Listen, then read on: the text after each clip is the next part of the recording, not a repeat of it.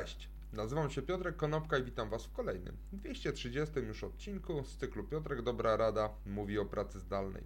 Dzisiaj powiem kilka słów na temat tego, jak z pracą zdalną powinni sobie radzić prawnicy.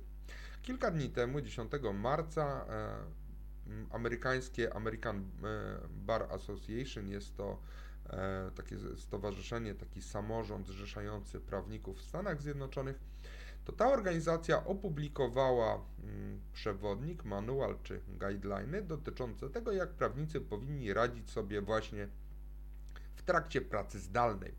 Pojawiło się nam kilka kwestii etycznych, ale też kilka kwestii związanych z e, merytoryką, między innymi to, że prawnik powinien pracować w sposób kompetentny.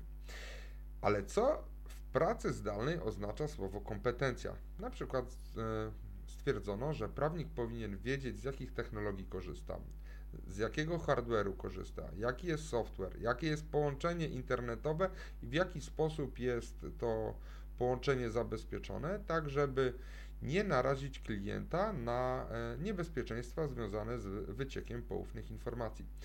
E, pracownicy y, prawników, jak i sami prawnicy powinni wiedzieć, e, jakich platform używają do swojej pracy zdalnej i czy ta komunikacja, która jest z klientami, e, odbywa się bezpiecznie, czy jest automatycznie, czy są automatycznie zachowywane wszystkie treści, które są przekazywane w jedną, jak i w drugą stronę, czy na przykład takie treści należy backupować samodzielnie.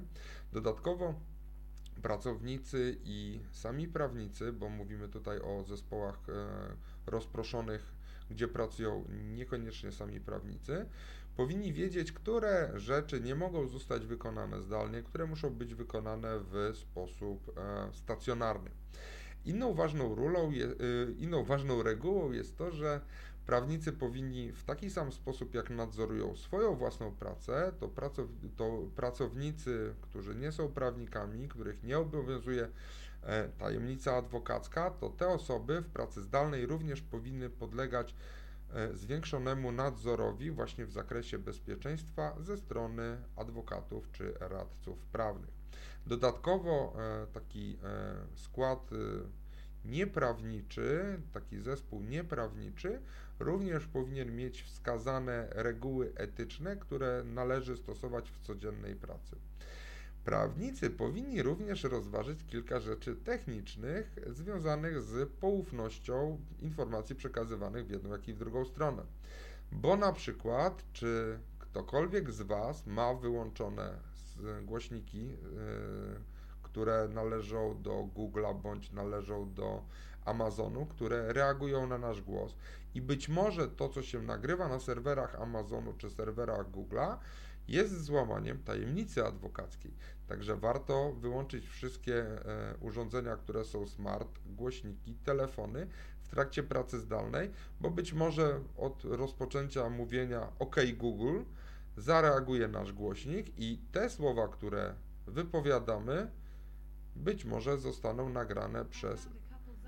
O właśnie, i tutaj słychać, jak mój Google się odezwał.